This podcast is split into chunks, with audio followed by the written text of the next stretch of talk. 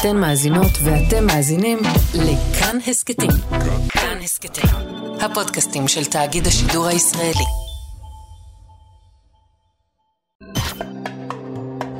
גם כן תרבות, עם גואל פינטו.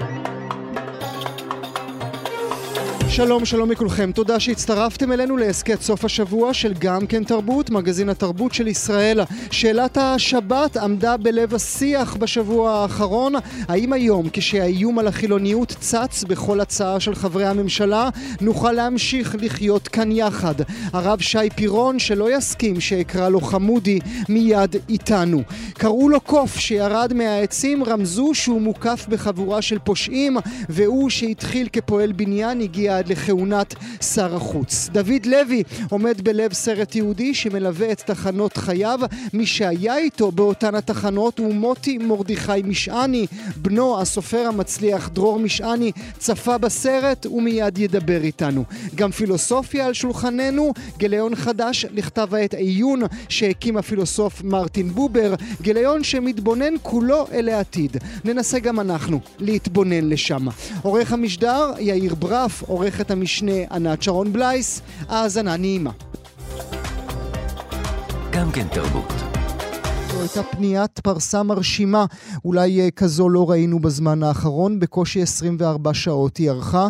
זה התחיל בשר התרבות מיקי זוהר שאמר ציבור שומרי השבת בישראל לא יופלו במשמרת שלי, וביטל את פרויקט שבת ישראלית, פרויקט שבליבו כניסה חינמית למוזיאונים ואתרי מורשת במהלך סוף השבוע, תוך שמשרד התרבות משפה, מסבסד את המוסדות. עם תנועת הנגד הציבורית והתקשורתית הודיע ראש הממשלה בנימין בנימין נתניהו ששום פעילות תרבותית המתקיימת בשבת לא תיפגע, מה שהביא את השר זוהר להוציא עוד הודעה, הפעם במילים המשרד לא ייזום פעילות בשבת, אך ימשיך לממן אותם מול הגופים היוזמים. המשרד לא ייזום, אבל אם הגופים יבקשו, המשרד כן יממן. טוב, אז הסיפור הזה נגמר, אבל מה יעלה בגורל השבת, בא אולי בחור שנפער בתוך הישראליות, אה, ונשאל האם אפשר באמת לגשר על החור הזה בין דתיים וחילוניים, אם זה לא יהיה ביטול שבת ישראלית, זה יהיה ביטול של דבר אחר,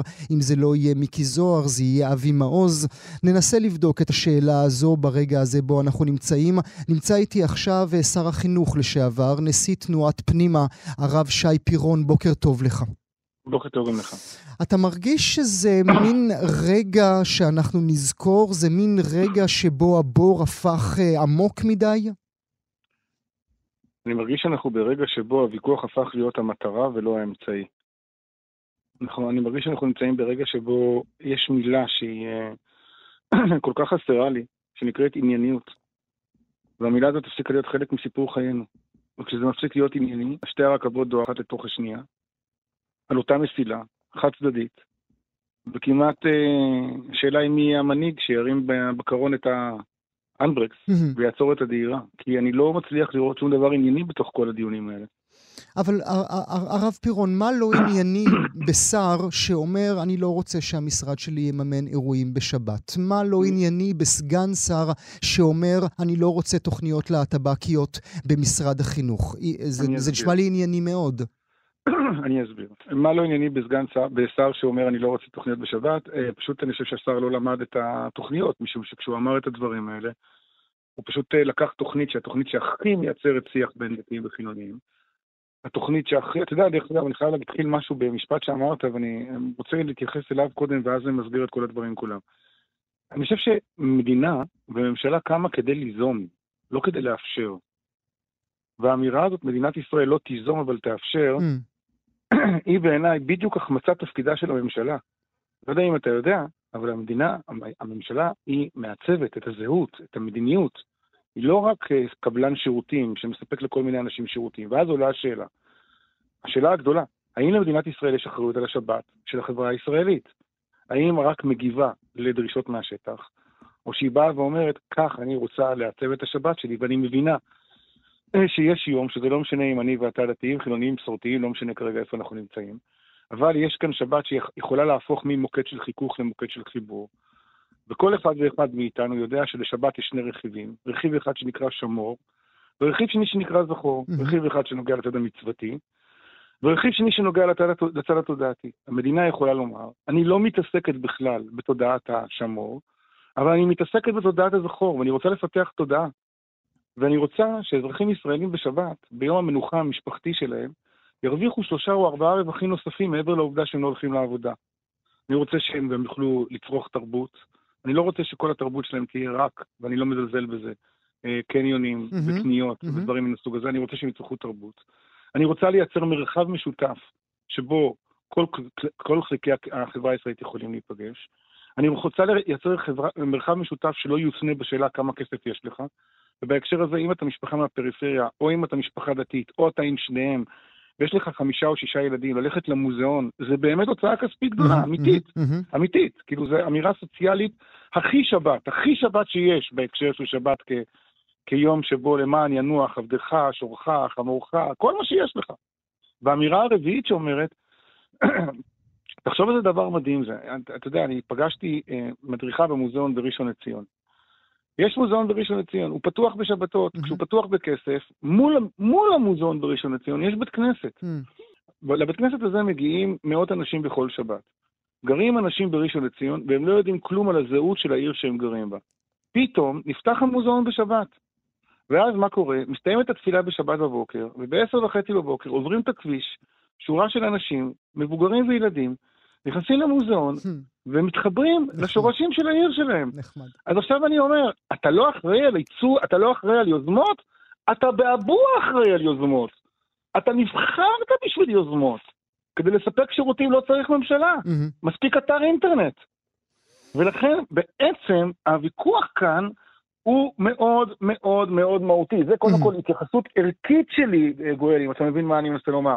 התייחסות ערכית שלי לסוגיה. Mm-hmm. אתה ביטלת דבר שלא הבנת בו פעם ראשונה, ופעם שנייה, בטענת שווא שהוא כאילו מפלה בין mm-hmm. דתיים לחילונים, בסוגריים, ושהצד כרב, המופלה זה הדתיים, כן. כן, ובסוגריים, אם יורשה לי כרב, לפי מיטב הבנתי בשבת, אם יש אפליה בישראל, היא דווקא לצד החילוני ולא לדתי, אבל זה נושא לשיחה אחרת. אמ, אז פעם ראשונה, ופעם שנייה, הת, התפקיד שלך זה ליזום, התפקיד שלך זה ליזום, mm-hmm. התפקיד שלך זה לעצב. ופה נמצא הוויכוח הערכי, mm-hmm. אנחנו, אני מבין שאני בתוכנית תרבות. לא, אבל, אבל הרב פירון, אני רוצה, אני רוצה להתווכח איתך ברשותך. אתה מדבר, okay. ובצדק רב, על תפקיד הממשלה כמעצבת זהות, כמעצבת מדיניות. זה בדיוק מה שהם עושים. הם אומרים, נמאס לנו מכל הפירונים האלה, מהשי פירונים האלה, ומהחילי טרופר האלה, שכאילו יש להם כיפות על הראש, אבל בעצם הם מכילים, מכילים, מכילים. הזהות שלנו, עיצוב הזהות שלנו, הם אומרים, היא אחרת. אחרת. זה נראה לי, לא, זה לא, נשמע לא, לי לא. ערכי מאוד. קודם כל, קודם כל אני אענה לך, תחלק את התשובה לשניים, אבל אתחיל מהחלק השני שיותר חשוב לך, ואז אומר את החלק הראשון שחשוב לי. אה, קודם כל, אין בעיה, אז בואו תקיימו דיון, בואו ננהל את הוויכוח הזה. אתה יודע, אני כל הזמן מסתכל על זה ברמה הפוליטית, מספרים לי שקמה ממשלה לארבע שנים, וסוף כל סוף יש ממשלה יציבה. אבל לפי קצב הדברים והיעדר הדיון, זה נראה כאילו הם חושבים שהם נמצאים פה רק לכמה חודשים, ולכן הם צריכים להספיק הכל. כי אם באמת הייתה להם תחושה של ביטחון, שהם באו לכאן להרבה שנים והם באו למשול, אז אתה יודע, היה טיפה יותר קלאסה, וטיפה יותר טקט, וטיפה יותר שיח. אבל קודם כל, ברמה המהותית, הבעיה המרכזית שלי זה שהם מכריזים הכרזות שמבטאות מדיניות שאינה יכולה לבוא לידי ביטוי, ולכן בעצם כל תכלית העניין זה רק לעצבן ולהכניס אצבע לעין. כי אם אתה תשאל עכשיו אותי, כמי שהיה רק 17 שנים מנהל בית ספר, האם אבי מעוז יכול לעשות את מה שהוא מתכנן? Mm-hmm. התשובה החד משמעית היא לא. לא. לא יכול כי אתה כמנהל לא היית מכניס אותו? נכון, לא הייתי מכניס אותו ואני לא אבחר בו, ומנהלים ימצאו אלף ואחת אה, צורות כאלה ואחרות אה, איך, אה, איך לפתור את הבעיה. אבל ו... אתה, אתה יודע, הרב פירון, שלא כל המנהלים עם כתפיים כמו שלך. אני חושב שרוב המנהלים היום בישראל, ובעיקר בהתחשב בעובדה שיש אגפי חינוך ורשתות חינוך, ואתה ראית גם את רמת ההתגייסות של רשויות מקומיות מכל הסוגים בפרשת אבי מעוז, אתה ראית את זה. אה, הם, אה, ובעצם, אה, הם, אתה יודע, מקסימום, דרך אגב, אם אתה שואל אותי מה יואב קיש יעשה, סתם, אני... שר החינוך, כן? כן. Mm. הוא פשוט יבטל את אפשרות, את אפשרות הבחירה של המנהלים בחלק מהתוכניות כשוק חופשי כדי למנוע מאבי מעוז לשלוט על התוכניות mm, האלה. Mm, פטנט. ימצאו פה איזה קונץ פטנט, הרי אתה, אתה לא מתאר לעצמך שיואב קיש ייתן לשר ה... לשר במשרד, סגן שר במשרד ראש הממשלה לשלוט על שני מיליארד שקלים, נכון? אתה לא, לא חושב שזה מה שיקרה. הוא ימצא איזה תרגיל כזה. ולכן אני חושב, הטענה שלי היא שרוב ההצעות הן אצבע בעין, הן סתם. כאילו, מה התכלית של הצעת גפני היום על אה, חמץ, בש... אה, הכנסת חמץ לבתי חולים. אז בוא נזכיר. מה התכלית בזה? מה אתה רוצה? מה אתה רוצה באמת? מה, אין ערבים בישראל? אתה רוצה שהם יעברו לאכול אה, מצות? מה, אין חסרי דת בישראל? אין חילונים? שזה מאוד מפריע לי, כאילו, הטענה שלי אומרת שאם זה היה ענייני, אידיאולוגיה עניינית, היה אפשר, היה אפשר לפתור את זה. אבל הטענה השנייה שאני רוצה לומר לך, אתה לא מבין, אני לא מכיל, אני לא איש נעים, אתה חושב שאני איש נעים, אני קיצוני מאוד, רק אני קיצוני בתפיסה יהודית שאומרת שחביב אדם שנברא בצלם. אני לא קיצוני פחות מהם, אסור להגיד את זה, זאת אמירה ש... שמייצרת איזה מין מצב שיש mm. משני הצדדים אנשים שיש להם עמדה קוהרנטית. יש מישהו שעומד ויש חמוד. אני לא חמוד, אני קיצוני, אני חושב שמה שהם עושים זה חילול השם, זה פגיעה ביהדות, אני לא תופס את היהדות שלי ככה. רק נסביר למאזינות והמאזינים ברשותך, הרב אה, פירון, אה, אפרופו הדברים שאמרת עכשיו, אה, גם מורן אזולאי בוויינט פרסמה שסגן, ש, שיושב ראש ועדת הכספים משה גפני רוצה לאסור הכנסת חמץ לבתי חולים במהלך חג הפסח, לא וזה שנתה... רוצה להגיש את זה כהצעת חוק. כהצעת חוק, ואמיר אטינגר הבוקר בישראל היום מדבר על הצעה נוספת של משה גפני, שיהיו שעות רחצה בהפרדה מגדרית באתרי רשות הטבע והגנים. עכשיו, אמרנו את הדברים... אתה מבין אבל ששתי ההצעות האלה לא דומות. תגיד לי אה, למה. אני אגיד לך יהודית, אני אגיד לך למה. כי אני חושב שלמשל, להגיד שאסור להכניס אה, חמץ לפסח, בפסח לבתי חולים, זאת אמירה בעייתית מאוד. מה אני חושב שכן צריך לומר? אני חושב שצריך לומר שבפסח צריך ליצור מרחבים מכובדים לאכילת חמץ למי שאוכלים, ומותר אז להגיד שבמקומות ציבוריים בבתי החולים לא מכניסים. כלומר, יש עולם מאזן, יש עולם של אנשים שיודעים לחיות ביחד. כן, אנחנו מדינה יהודית, כן, אני מבין שיש מרחב ציבורי, אבל כן, אני מבין שאני לא יכול לכפות את דעתי. ואז אם תבוא המדינה ותגיד שבכל בית חולים יהיה מקום גדול, מכובד, עם מיקרוגלים, שולחנות מכובדים, מי שרוצה לאכול חמץ יוכל להתכנס לשם, סבבה לגמרי, הכל בסדר. דרך אגב, אני אתן לך דוגמה שאתה מכיר אותה, לא יודע, אישית, כן? כמו שיש מרחבי עישון, נכון? יש mm-hmm. אזורים שמותרים mm-hmm. בעישון, mm-hmm. אז אפשר לעשות אזורים שמותרים בחמץ. מה הבעיה? מה הבעיה? אם רוצים לחיות ביחד, מסתדרים. הערת המערכת בסוגריים, לא שמעתי שחרדים בניו יורק לא משתמשים בשירותי בתי החולים בפסח בגלל שיש שם חמץ. לא שמעתי שמישהו שקיבל התקף לב בניו יורק, או מישהי שצריכה ללדת בניו יורק, אמרה שהיא לא הולכת לבית חולים בגלל שיש שם חמץ.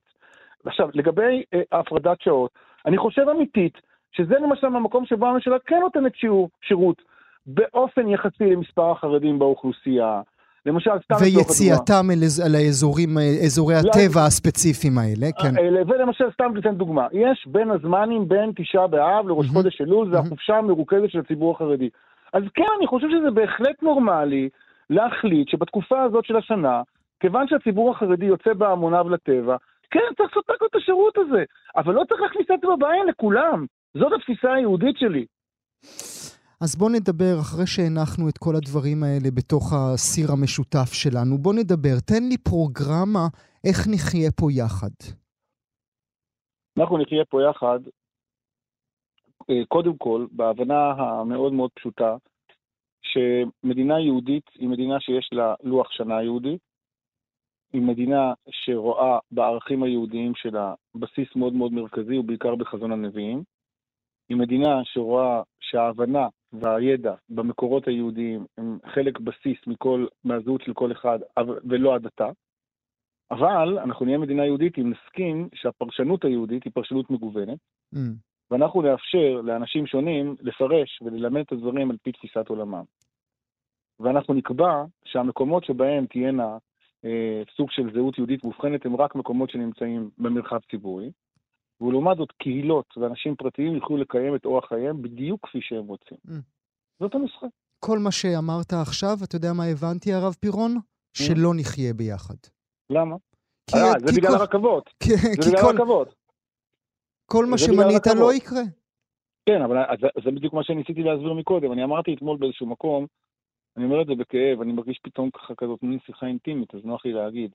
Uh, אתה יודע, אני מרגיש uh, ברמה הפנימית, הרגשית, זר בארצי, שאין לי עם מי לדבר. שבעצם אנחנו הגענו כאן לאיזה מין שיחה כזאת, שהדבר המרכזי בשיחה זה ההכרעה ולא הדיון. היהדות שאני מבין במהותה הייתה בית מדרש. היא הייתה מקום שבו מתדיינים, שבו יש בית הלל ובית שמאי, שבו יש פסיקה מחמירה ופסיקה מקילה, שבו יש רמב"ם ורבי יהודה הלוי, שבו יש חסידות ויש מתנגדים ויש בעלי מוסר, שיש לנו את עמיחי ואת, אה, ואת יונה וולך, שזה שתי תפיסות שונות לגמרי של יחס לגבולות ואומנות, שיש לנו אומנות לאומית ואומנות פרטית. ומה שקורה פה עכשיו, זה שממקום שפעם אני וגואל יכלנו לדבר, והשיח בינינו הייתה, היה מסכים לא מסכים, כמו שהשיחה שאנחנו מנהלים עכשיו, השיחה הפכה למסכים שונא. Mm. או שאתה מסכים איתי, או שאני שונא אותך. Mm. ונוצרה פה איזושהי מין שיחה בצדדים שונים, כרגע הצד, נקרא לזה השמרני, מדגיש את זה באופן יותר חזק, שזה לא השאלה בוא נתדיין, זה אני רוצה להכניע אותך. זה לא שאני אומר בוא נדבר, אלא אני רוצה שאתה תצא בראש חוצות ותבין שהפסדת. עכשיו תראה, קרה פה משהו, אתה כאיש שמבין את תולדות הרעיונות, קרה פה דבר מדהים. אם אתה קורא אה, את תולדות הרעיונות, אתה יודע ששמרנות, יש לה כמה מאפיינים. אחד המאפיינים של שמרנות, למשל, זה ענווה כלפי מוסדות. זה ענווה כלפי ההיסטוריה. זה הניסיון אה, אה, להסתכל על העבר ועל העתיד במבט חד יותר ממה שמסתכלים על ההווה. אם אתה מסתכל על ליברליזם, אתה רואה שליברליזם במהות שלו מעמיד את זכויות הפרט, את החירויות, את הרצון של האדם הפרטי לחיות את חייו בהווה באופן מאוד מהותי, לא מקדשים את המוסדות, מקדשים את האדם. Mm-hmm. עכשיו תראה מה קרה בישראל. השמרנים והליברלים החליפו תפקידים. Mm-hmm. ליברלים מדברים, השמרנים מדברים כמו ליברלים. אנרכיסטים, עולם חדש על היסוד נחריבה. אין כבוד, אין מסורת, אין מוסדות, אין עבר, אין עתיד, כאן ועכשיו ומהר. הליברלים מדברים כמו שמרנים. Mm. הם אומרים, אל תשנו כלום, לא משנים, לא משנים, כל ההצעות הן רעות. אז מה, מה אני אמור לעשות עכשיו? תעזור לי. לא שמעתי אותך ככה אף פעם, הרב פירון. אה, אתה יודע, אני חי פה, אז הדברים משפיעים גם על התודעה הפנימית שלי. יש לך בכל זאת תקווה? כן. ולא, אה, שינוי, ולא שינוי ממשלה, זה, זה פחות לא, חשוב, לא, לא, כי, כי התהליכים קיימים. זה סיפור הרבה יותר עמוק, שאתה יודע שהוא קיים הוא קיים אה, באופן הרבה יותר רחב אה, בחברה, בעולם כולו. אה, תראה, אני, השינוי, קודם כל אני אגיד לך מה התקווה שלי, ואין לי ברירה. אני לא אדם צעיר, באופן יחסי, יש לי 11 נכדים ואני מחויב להם. ואני לא יכול, אני לא יכול להסכים עם כך ש, שהם יגדלו בעולם של אוהב שונא. אני לא יכול להסכים איתם שהם יחיו בעולם של הכנעת, הכנעת אנשים אחרים. ואני תמיד מזכיר לאנשים הכוחניים שהם צריכים לזכור שהעולם הוא גלגל. וכל מה שהם עושים היום, בסיטואציה אחרת יתהפך להם על הראש. אז זה, זה קודם כל למה אני לא יכול להרשות לעצמי. אבל יש סיבה נוספת למה אני חושב שיש כאן... אני חושב שבחדרי חדר, חדרים, סליחה, רציתי להגיד חדרי, חדרי חרדים כמו אתה, בחדרי חדרים, בשני הצדדים, מתחילה להתפתח תנועה שעומדת, אה, ששואלת את עצמה איפה טעינו. ואני רואה את זה בשיחות עם אנשים. אתה הזכרת מקודם דוגמה, אני רוצה לתת לך אותה. דווקא בגלל שאתה גואל פינטו בריבוי הזהויות שאתה נושא בתוכך. הדבר הראשון הוא שאני יודע, ואתה יודע, שהיברידיות זה לא רק רכבים, היברידיות זה בני אדם. Mm. וככל שעובר הזמן, האנשים הנורמטיביים ברחוב מפסיקים להיות אנשים של או-או, אלא הופכים להיות אנשים של גם וגם. Mm. ולכן בפועל החיים עצמם יפרקו את זה. הדבר השני, אז אני חושב שכל קבוצה צריכה לשאול את עצמה על הרעיונות שלה, ודווקא בגלל שהזכרת את זה אני אגיד. למשל, רעיונות של חירות וזהות אה, והעצמת הבחירה וכולי. אתה יודע מה אחת הבעיות הכי גדולות בחברה הישראלית? שרוב הישראלים שאני פוגש בפריפריה, בציבור המזרחי, אה, במקומות כאלה ואחרים, אומרים לי דבר נורא מעניין, אומרים, תקשיב, ננסח את זה בלשוני. אנחנו ממש מבינים את הרעיונות של הליברלים על uh, זכויות אדם, ועל uh, זהות אישית, ועל חירות. אבל שאלנו את עצמנו שאלה נורא פשוטה, מתי אנחנו נהנינו מזה פעם? Mm. מתי קרה mm. פעם אחת, אתם, במה אתם, אתם באמת מדברים על זהות, אבל כמו שהזכרת, על להט"בים שזה mm-hmm, חשוב, mm-hmm. על זכויות נשים שזה חשוב, mm-hmm. אבל העובד במפעל פניציה, קרה לו פעם שהוא הרגיש שהמאבק על זכויות אדם ועל חירות אישית בנרטיב של הליברלים בתל אביב פגש אותו? Mm-hmm. זה קרה לו פעם? התושב בדרום תל אביב, בנרטיב הזה של זכויות אדם והרצון לפתח חיים מיטביים, בסיפור סביב סיפור מהגרי העבודה, שהוא סיפור חשוב, mm-hmm. אל תבין שאני נגד mm-hmm. זה, אבל הוא שואל את עצמו שאלה מאוד פשוטה. אתם הפעלתם את רעיונות החירות רק על אנשים שזה התאים לכם, או משהו שזה התאים למקום שלכם. בשונה דרך אגב מהשמאל הקלאסי. השמאל הקלאסי, לא הליברלי, השמאל הקלאסי באמת, כשהוא דיבר על חירות ושוויון, הוא דיבר על הפועל. Mm-hmm. הוא דיבר, עכשיו, זה, זה, זה, זה, זה, אלה שאלות שליברלים חייבים לשאול את עצמם. הם צריכים לשאול את עצמם למה אנשי הפריפריה, הרי לכאורה אנשי הפריפריה... ברמת חשבון היו... הנפש, הרב פירון. ברמת חשבון הנפש. הרי, הרי אנשי הפריפריה היו צריכים להצביע ראשונים למפלגות שמדברות על העמקת החירויות, הזכויות וכולי וכולי. אבל האם באמת ליברלים בתל אביב עסקו בשאלת קורת גג של משפחה מרובת ילדים? ויש פה, אותו דבר אני רוצה להגיד על שמרנים. ונגיד שבית משפט לא יהיה קיים, אז מי יגן על זכויות הדתי או על זכויות המפונים מגוש קטיף ברגעים שבהם השלטון יתחלף? ונגיד שפוליטיקאים יבחרו את היועצים המשפטיים, ומה יקרה אם מחר בבוקר תהיה ממשלה אחרת, גואל פינטו ימונה לשר התרבות, והוא ימנה יועץ משפטי שהיה פעיל בבצלם. אני בכוונה מצייר את זה באופן הזה. כאילו מה, אתם לא מבינים את האירוע? ולכן אני כן מרגיש שכרגע אנחנו באיזה מין אה, תודעת מיקרופון, אבל כשהלב יפעל יותר, והמוח יפעל יותר, אנחנו נהיה במקום אחר. הרב שי פירון, לעונג רב, תודה רבה שהיית איתי הבוקר. בבקשה, שלום שלום. גם כן תרבות. אנחנו עוברים מיד אל הנושא הבא שלנו. קראו לו קוף שירד מהעצים ורמזו שהוא מוקף בחבורה של פושעים. והוא שהתחיל כפועל בניין שבנה את מנול אינטון בתל אביב מהבסיס ועד הקומות העליונות, המשיך הלאה והגיע עד לתפקיד שר החוץ של ישראל על כבודנו אנחנו נלחמים, הוא היה אומר.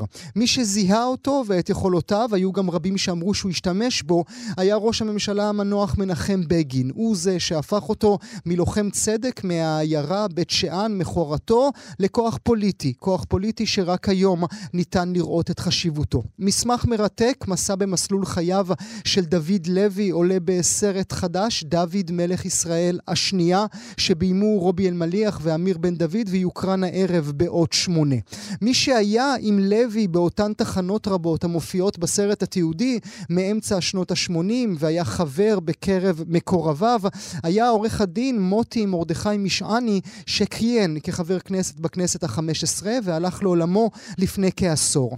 נברך לשלום את בנו של עורך הדין משעני, הסופר דרור משעני, ממנו ביקשנו לצפות בסרט ולהיזכר בבית אבא. דרור משעני, בוקר טוב לך.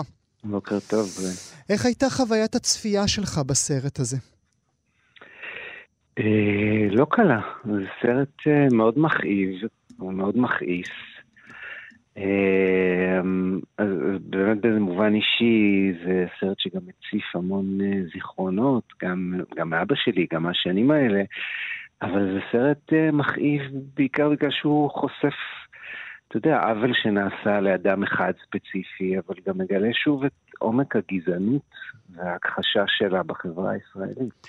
זה סידר לך את הכל בש, בשורה אחת? כי הרי אלה דברים שאנחנו יודעים ומודעים להם.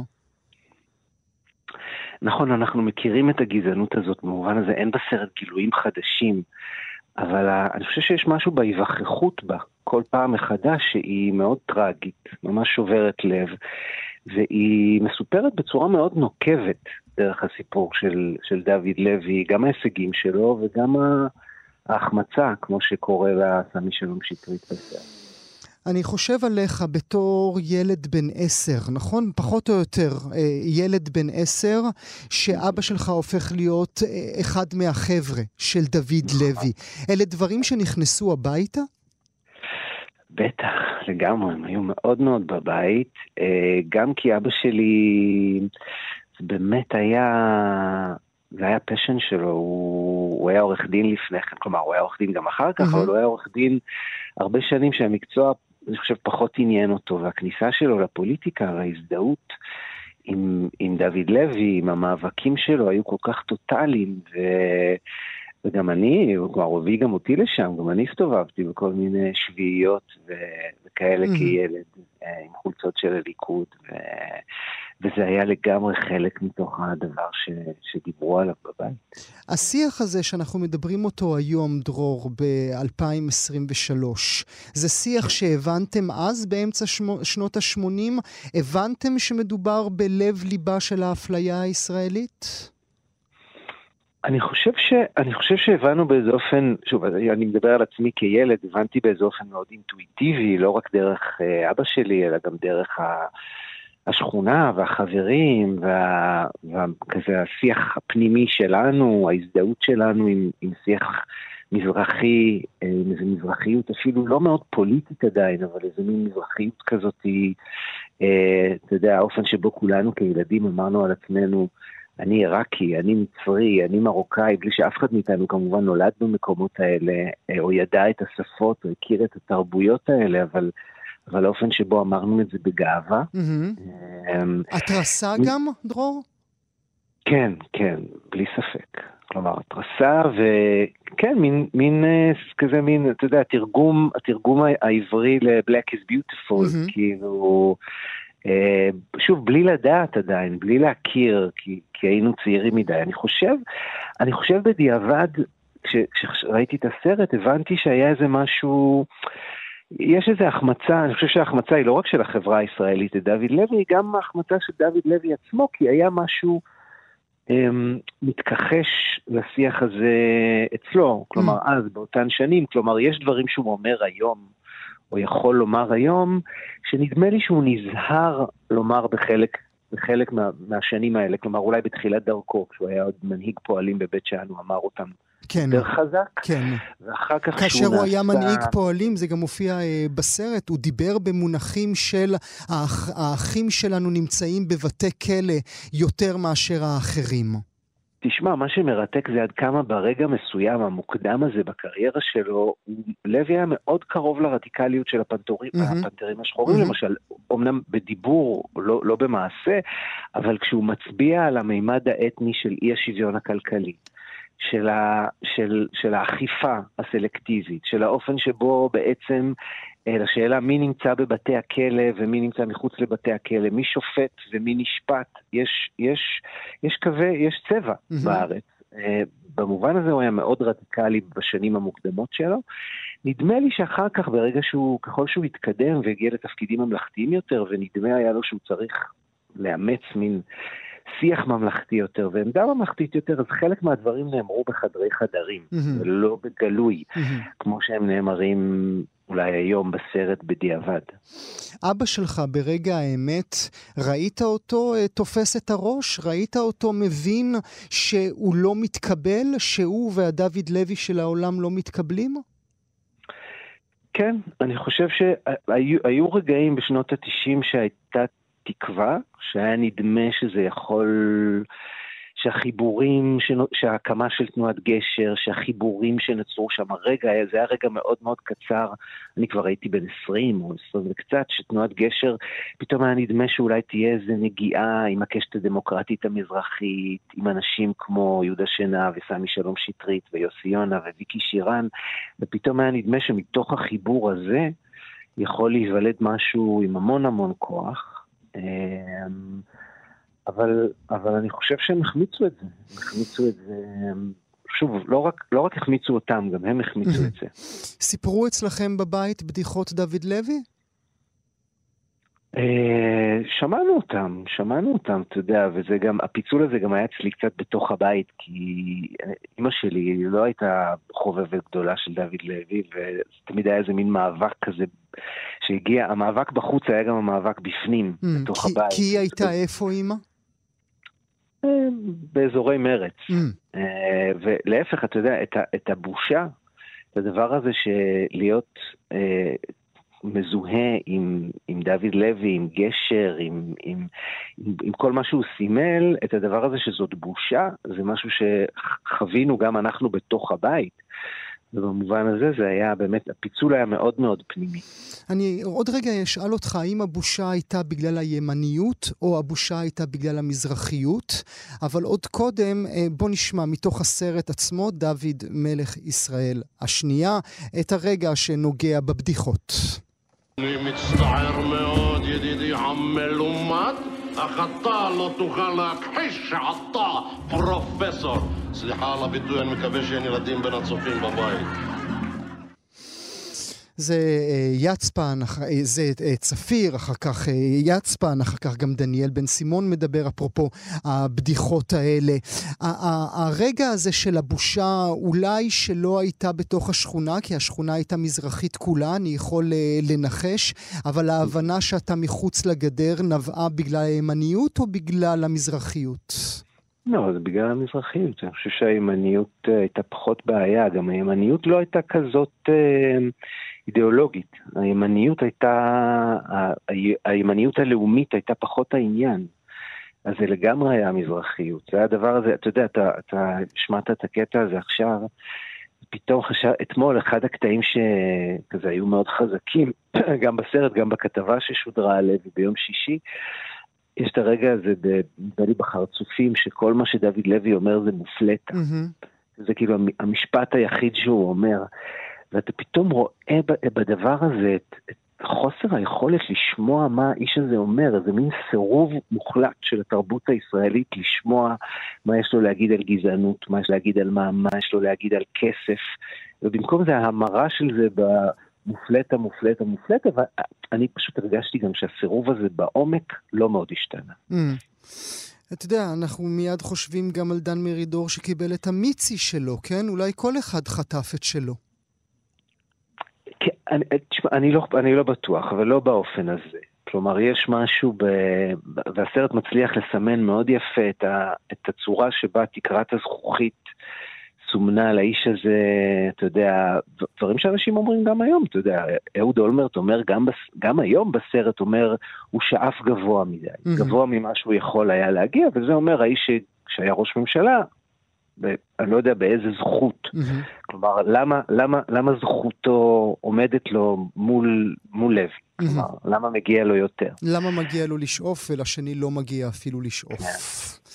אתה יודע, אה, אה, דרור, כמובן, אה, אנחנו כולנו, העולם כולו מכיר את אברהם אברהם שלך, שזכה להצלחה גדולה בישראל ובעולם, אבל אולי לא רבות ורבים יודעים וזוכרים את הספר הראשון שלך, שעסק במזרחיות. בכל העניין המזרחי יש איזה אבסורד. אחרי שכתבת את התזה הזאת, את הספר הזה, בכל זאת יש דברים שהיום אתה מגלה מחדש? אה, כן, אתה יודע, אני חושב שקודם כל נורא, נורא מעניין לראות את הסרט ולחשוב גם על החמצות דומות וקיימות כאלה למכביר גם בשדה הספרות והתרבות. אתה יודע, נגיד, סיפור של ארז ביטון בהרבה מאוד מובנים מאוד דומה לסיפור של דוד לוי, כולל פרס ישראל המאוחר הזה, אתה יודע. אמ, סיפורים של סופרים ויוצרים אחרים, נגיד בספר שלי אז בכל העניין המזרחי יש איזה אבסורד, כתבתי על לב חקק שהיה חוקר ספרות מזרחי שממש הושלך מהאקדמיה הישראלית, כי בשנות ה-70, כשכולם התעסקו במחקר ספרות, אתה יודע, במין לשבח את, אה, את אלתרמן ויעקב שבתאי, כתב מחקר על האופן שבו מיוצגים מזרחיים בספרות העברית, מה ש-30 שנה אחר כך פתאום נעשה משהו שאפשר לדבר עליו. אני חושב ששוב, מה ש... אני חשבתי על העיתוי של הסרט הזה. אני חושב שהעיתוי של הסרט הזה מאוד חשוב בגלל הרגע שאנחנו נמצאים בו. פתאום הייתה לי איזו תחושה שהמחאה ש... שכולנו רוצים להיות חלק ממנה, או לא כולנו, אבל חלקנו רוצים להיות חלק ממנה, לא תצליח אם היא תכלול, שוב, רק את מה שהוא השמאל, הישן, הבורגנות האשכנזית, ותתגעגע למדינה שהיינו פעם. אתה יודע, אה, גרוסמן דיבר בהפגנה על, על תחושת הגלות הפנימית mm-hmm, שיש mm-hmm. לישראלים כיום, אה, אבל זאת בדיוק התחושה שחשו המון מזרחים שלא יכלו להרגיש כאן בבית בלי לגלות מעצמם, ולכן, ולכן נדמה לי שהם, וגם אני, לא, לא מתגעגעים למדינה שהייתה כאן פעם. בשנות ה-80 הייתה גזענות והיה כיבוש, אנחנו לא רוצים לחזור למה שהמדינה הייתה, אנחנו צריכים לתקן. כולל להתייחס פעם אחת ולתמיד לתביעה המזרחית, להכרה ולשינוי, ככה הסרט נגמר, mm-hmm. הסרט נגמר במשפט הזה של דוד לוי, אה, צריך להכיר במה שהיה, אה, ובמה שעדיין ישנו. אתה גם, אה, דרור, אה, למרות כל ההצלחה, גלית מעצמך. אני, אולי במידה רבה אני שואל אם אתה היום דרור משעני, הסופר המצליח שתורגם בעולם, או אתה עדיין הבן של מוטי משעני? אה, אני חושב שזאת שאלה שקשה לי לענות עליה. זו שאלה שכל בני הדור שלנו, אני אומר, אתה יודע, מדבר גם אליך, כי אני יודע שאנחנו די קרובים בגיל וחלק מהביוגרפיה שלנו. אתה יודע, מצד אחד אנחנו כן אה, עשינו claiming למזרחיות שלנו, לביוגרפיה שלנו, דיברנו עליה, כתבנו עליה בכל מיני מקומות, ונדמה לי שבהרבה מקומות גם כן גלינו ממנה, אה, ולא דיברנו אותה עד הסוף, בעיקר אולי בינינו לבין עצמנו, אה, בדברים שהתרחקנו מהם. אבל זה עוד חשבון שאנחנו יכולים לעשות, אתה יודע, עוד לא... עוד לא נגמר. אף פעם לא נגמר. הסופר אה, דרור משעני, אנחנו נשלח אתכם, מאזינות ומאזינים, לצפות בסרט הזה. הוא מוצג בהוט אה, שמונה דוד מלך ישראל השנייה. הסופר דרור משעני, לעונג, תודה שהיית איתי הבוקר. תודה רבה, גואל. גם כן תרבות. עם גואל פינטו. לפני 77 שנים, כאמור, באוקטובר 1945, ראה אור גיליונו הראשון של כתב העת העיון, כתב עת פילוסופי תרבותי שהקים מרטין בובר יחד עם חברים. עכשיו גיליון חדש, 70 במספר, שמוקדש כולו לעתיד, מתוך תקווה, כך אפשר להבין, מתוך קריאה בו, שהפילוסופיה תחזור להיות חלק מהחשיבה הכללית, אולי גם, רחמנא ליצלן, גם חלק מהשיח המקומי. נדמה לי שבמציאות בה אנחנו חיים כל טיפה תעזור הרבה. עורך כתב העת עיון הוא חגי כנען, פרופסור לפילוסופיה באוניברסיטת תל אביב, שגם נמצא איתנו הבוקר. בוקר טוב לך. היי, בוקר טוב. שמחה רבה שאתה נמצא איתנו הבוקר, וברכות על הגיליון החדש. עוד אצלול איתך על החשיבות של הפילוסופיה בשיח התרבותי של כולנו, אבל למה בחרתם דווקא בעתיד? בחרנו בעתיד משתי סיבות עיקריות. האחת היא כמו שאמרת, הרצון להתחדש עם כתב עת כל כך משמעותי לארץ הזאת, ועשה דרך, ועכשיו רוצה לצאת לדרך חדשה, אז המחשבה הזו. והדבר השני כמובן הוא ההקשר המקומי שלנו, ואיך לחשוב על העתיד בתקופה הזו, איך הפילוסופיה יכולה לעזור mm-hmm. להבנה של איפה אנחנו נמצאים, של היחס בין ההווה והעתיד. אתה מבין איפה אנחנו נמצאים, פרופסור כנען? אתה שואל אותי ברמה... כן, כן, אם אני מנסה להתעלות, אתה יודע, אם גם אתה תגיד לי שאתה לא מבין את התקופה בה אנחנו חיים, אז מה עוד נשאר לנו? אז, אז תראה, ההבנה, יש דבר שנקרא הבנה פוליטית. ההבנה הפילוסופית היא הבנה יותר תשתיתית. היא מנסה לשאול שאלות רחבות יותר על, על מה הקשר בין, בין איפה שאנחנו נמצאים עכשיו, נקרא לזה ההווה, לבין העתיד. ואני חושב שמה שהפילוסופיה יכולה לתרום כאן זה להזכיר לנו דבר מאוד חשוב. הרבה פעמים אנשים חושבים שהעתיד זה משהו שנמצא מעבר למסגרת של הזמן הזה שנקרא עכשיו. Mm-hmm. זה יבוא מתי... פעם. פעם. יגיע, יש איזו תמונה ו... סרטי מדע בדיוני כאלה הרבה פעמים מראים לנו, יש איזו צורה של זה יקרה פעם, יחיו בצורה כזאת או אחרת. ואני חושב שאחד הדברים שהפילוסופיה מצליחה להראות יפה ו- ובצורה משכנעת, זה שהעתיד הוא התפתחות ישירה של ההווה. זה דבר שהוא לגמרי יומיומי אם אנחנו חושבים על זה, אבל כל, הרי כל פעולה שלנו, תחילת התוכנית הזאת וסופה, כלומר, כדי שתהיה התוכנית שלך היום, אז כבר העתיד גלום בה. אבל, אבל הדברים האלה גם הם על כל דבר, ולכן מה שנובע מכך, מהעובדה שההווה מתפתח אל העתיד, זה שאנחנו אחראים לעתיד שלנו. Mm. העתיד mm. הוא לא סתם משהו שנמצא שם, אלא mm. משהו שאנחנו יכולים להשפיע עליו, ונקראים להשפיע עליו, ויש לנו אחריות להשפיע עליו. בכל מעשה, בכל מילה, בכל רגע, העתיד גלום בהווה בו אנחנו מדברים, הפרופסור כנען. כן, זה הופך את זה לקל יותר או לקשה יותר? זה, זה תלוי, זה תלוי איך, איך מסתכלים על זה, יש בזה גם קושי וגם אה, קל, אה, קלות מסוימת. זאת אומרת, מה, ש, מה שמעניין לשים לב שהעתיד בתקופות שונות, ברגעים שונים, גם פרטיים וגם ציבוריים, יכול להיראות בצור, באופנים שונים. תזכר למשל בתקופת הקורונה, ששמו, שהיינו בסגרים הקשים, mm-hmm. והיה תחושה למשל שאי אפשר לעשות תוכניות, אין נסיעות, כולם בבית, אז הייתה תחושה של, לכאורה שהעתיד סגור באיזשהו אופן. היו תקופות ב, ב, בהיסטוריה שאנחנו יודעים שהתחדשות טכנולוגית ושל מודרניזם, שפתאום העתיד היה כמו מין תקווה גדולה למה שיכול לבוא. הייתה התרגשות לקראת האפשרויות שהמדע ייקח אותנו אליהם וכולי. אני חושב שהיום אנחנו נמצאים בתקופה שהעתיד נראה מאוד מאיים, מהמם. ו- וגם זו אופציה. אבל אה, אה, שאנחנו, שאנחנו מכירים, העתיד המאיים. מהמם. אבל הנקודה היא, מה שניסיתי לומר קודם, זה שהעתיד לא סתם נמצא שם כמאיים, אלא שתמיד יש בו גם, בגלל שהוא קשור להווה, את המימד הפתוח, את המימד הלא ידוע, Mm. שקשור במה אנחנו נעשה וכיצד אנחנו נפעל. ואולי על ידי משק כנפיים פשוט אנחנו נוכל לשנות את מה שנראה מאיים עכשיו. הבעיה היא, הפרופסור כנען, זה שאנחנו לא זוכרים. אתה יודע, אימא שלי, זיכרונה לברכה, בכל פעם שהייתי מדבר איתה על רגעים פוליטיים קשים, היא הייתה אומרת לי, אתה לא זוכר מה היה פה במלחמת לבנון הראשונה. תמיד היו לה דוגמאות כאלה של זוועות שאנחנו לא חווינו, כי אנחנו לא זוכרים אותם.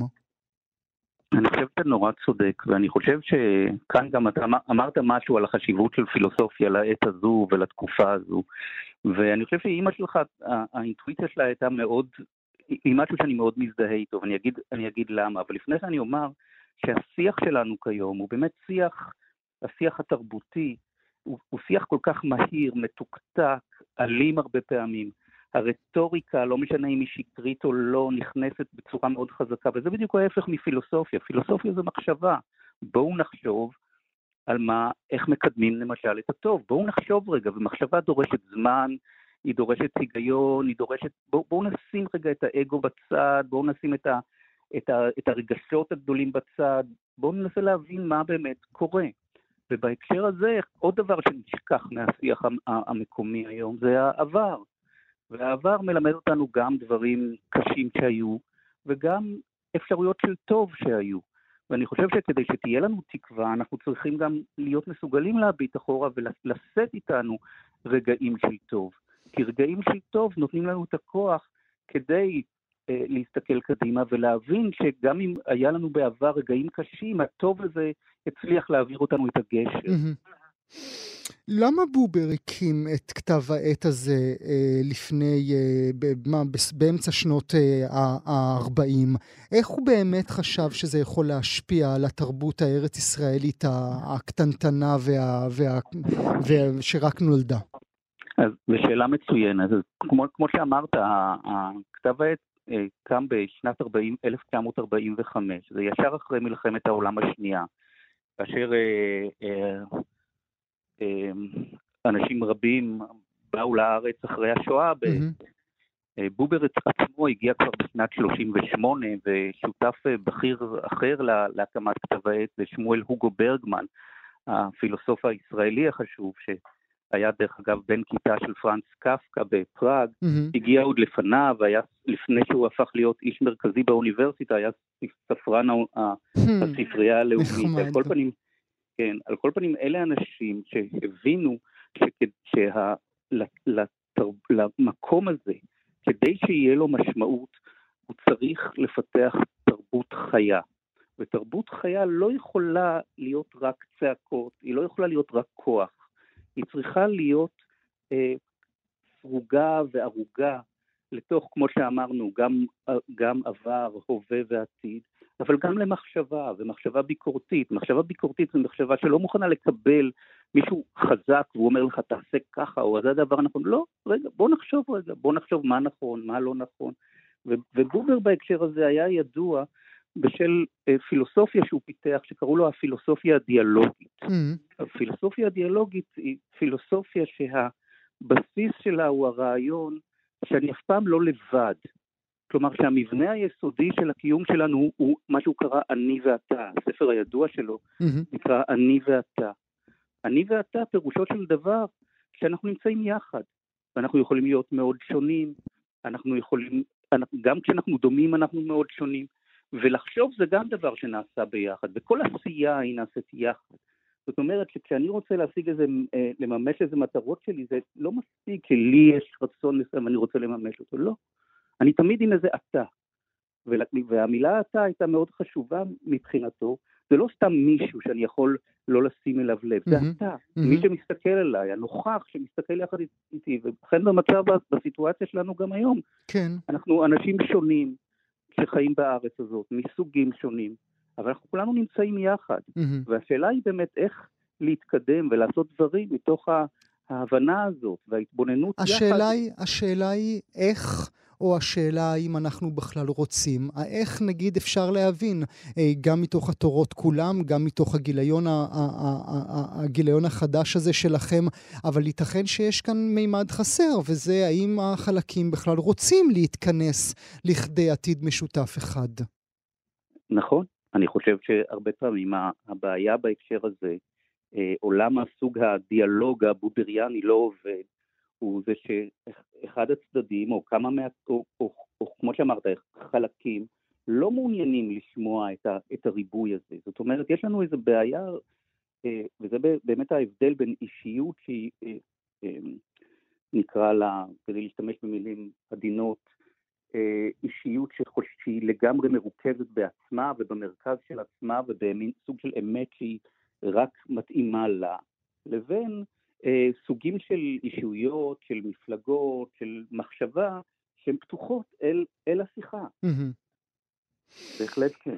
כשאתה מדבר, אה, כשאתם מדברים בגיליון הזה על העתיד, במידה רבה אתם מדברים על העתיד הכללי מתוך אה, תפיסה, לא רק העתיד המקומי, מתוך תפיסה שכל אותם משברים, משברים אקולוגיים ומשברים דמוקרטיים והתפתחויות טכנולוגיות ובינה מלאכותית, אפילו סיפור על אהבה צריך לומר, אתם לגמרי מתייחסים על זה כאילו הצרות הן צרות מרובות של כולם.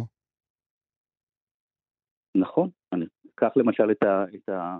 יש מאמר באמת מרתק אה, שכתב עמיחי עמית בגיליון על, על משבר האקלים. המשבר האקלים הוא משבר של כולנו. Mm-hmm. אחד הדברים היפים שהמאמר מראה הוא לא רק, זה לא מאמר, זה מאמר פילוסופי, אז כאמור הוא לא רק עוסק בשאלות המאוד חשובות של מה נעשה וכיצד נוכל להשפיע ומה יקרה אם לא נשפיע, אלא הוא עוסק בעובדה שהרבה פעמים כשהעתיד כל כך מאיים, כמו למשל העתיד האקולוגי שלנו, אה, אנחנו נכנסים למצב של ניכור אה, ביחס אליו, ובעצם אנחנו לא רוצים להתמודד איתו. זה הרבה פעמים מה שקורה גם בהקשר של זוועות פוליטיות. אני לא מסוגל לחשוב במצב נגיד באוקראינה. תעזבו אותי בשקט, אני לא רוצה. כן, כן. בדיוק. כן. אז השאלה היא איך להפוך את, הדבר, את האזורים שאנחנו, חלקים שבנו, שאנחנו מנוכרים אליהם, לכאלה שאנחנו מסוגלים לדבר איתם, לתקשר איתם, mm-hmm. להיות איתם בשיחה, וכאן שוב נכנס עניין הדיאלוג. וזה יכול להיות גם עם, רק, לא גם, אלא רק עם רבדים, זה לא יכול להיות אה, אחרת. אולי לסיום השיחה שלנו, ברשותך, פרופסור כנען, תיקח אותי אל אהובי מישל וולבק ותסגור לנו את הפינה הזאת.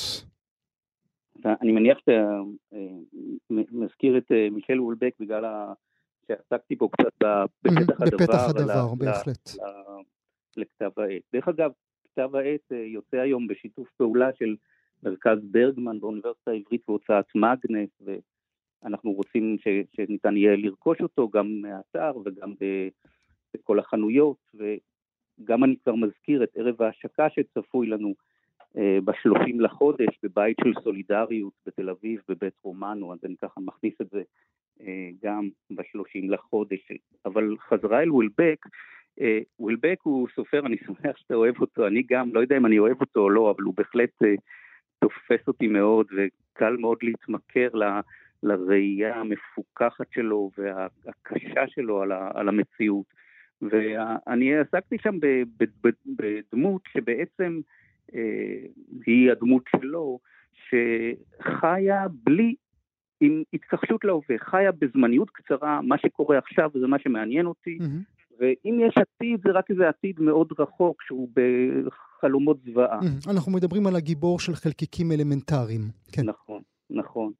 אמ, אה, בדיוק ככה. ואני בדיוק ניסיתי להראות ששני הקצוות האלה, מצד אחד הגיבור של חלקיקים אלמנטריים, אין לו חיים במובן העשיר של המילה.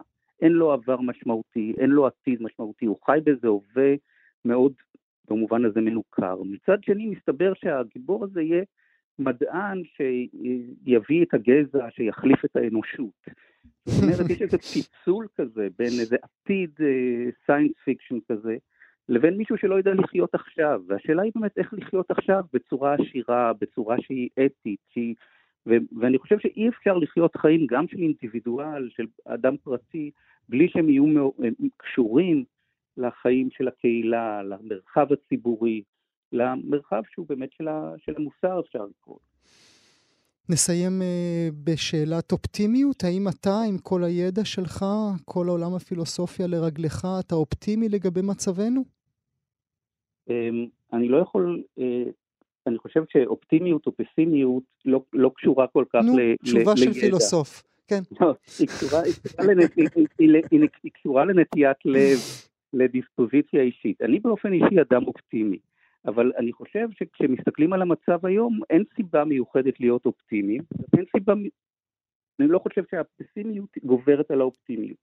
אני חושב שצריך להתרכז באמת בשאלה מה אפשר לעשות, איך אפשר לגרום לטוב להיות מנת חלקנו. אנחנו בכל זאת מקום, בארץ הקטנה שיש לנו, מקום כל כך יפה ועם מזג אוויר כל כך נפלא, אז אני חושב שהייתה יכולה להיות פה, היו יכולים להיות פה חיים מאוד מאוד טובים, והרעיון הוא מה ניתן לעשות כדי שזה יקרה.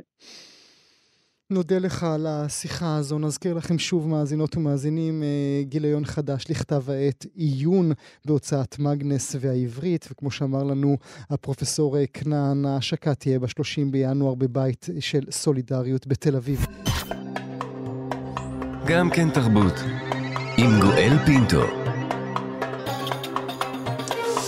זהו, הגענו לסיומו של הסכת סוף שבוע נוסף של גם כן תרבות. מגזין התרבות של ישראל, כאן אצלנו ברשת כאן תרבות. עורך המשדר יאיר ברף, עורכת המשנה ענת שרון בלייס. תודה שהייתם איתנו להתראות.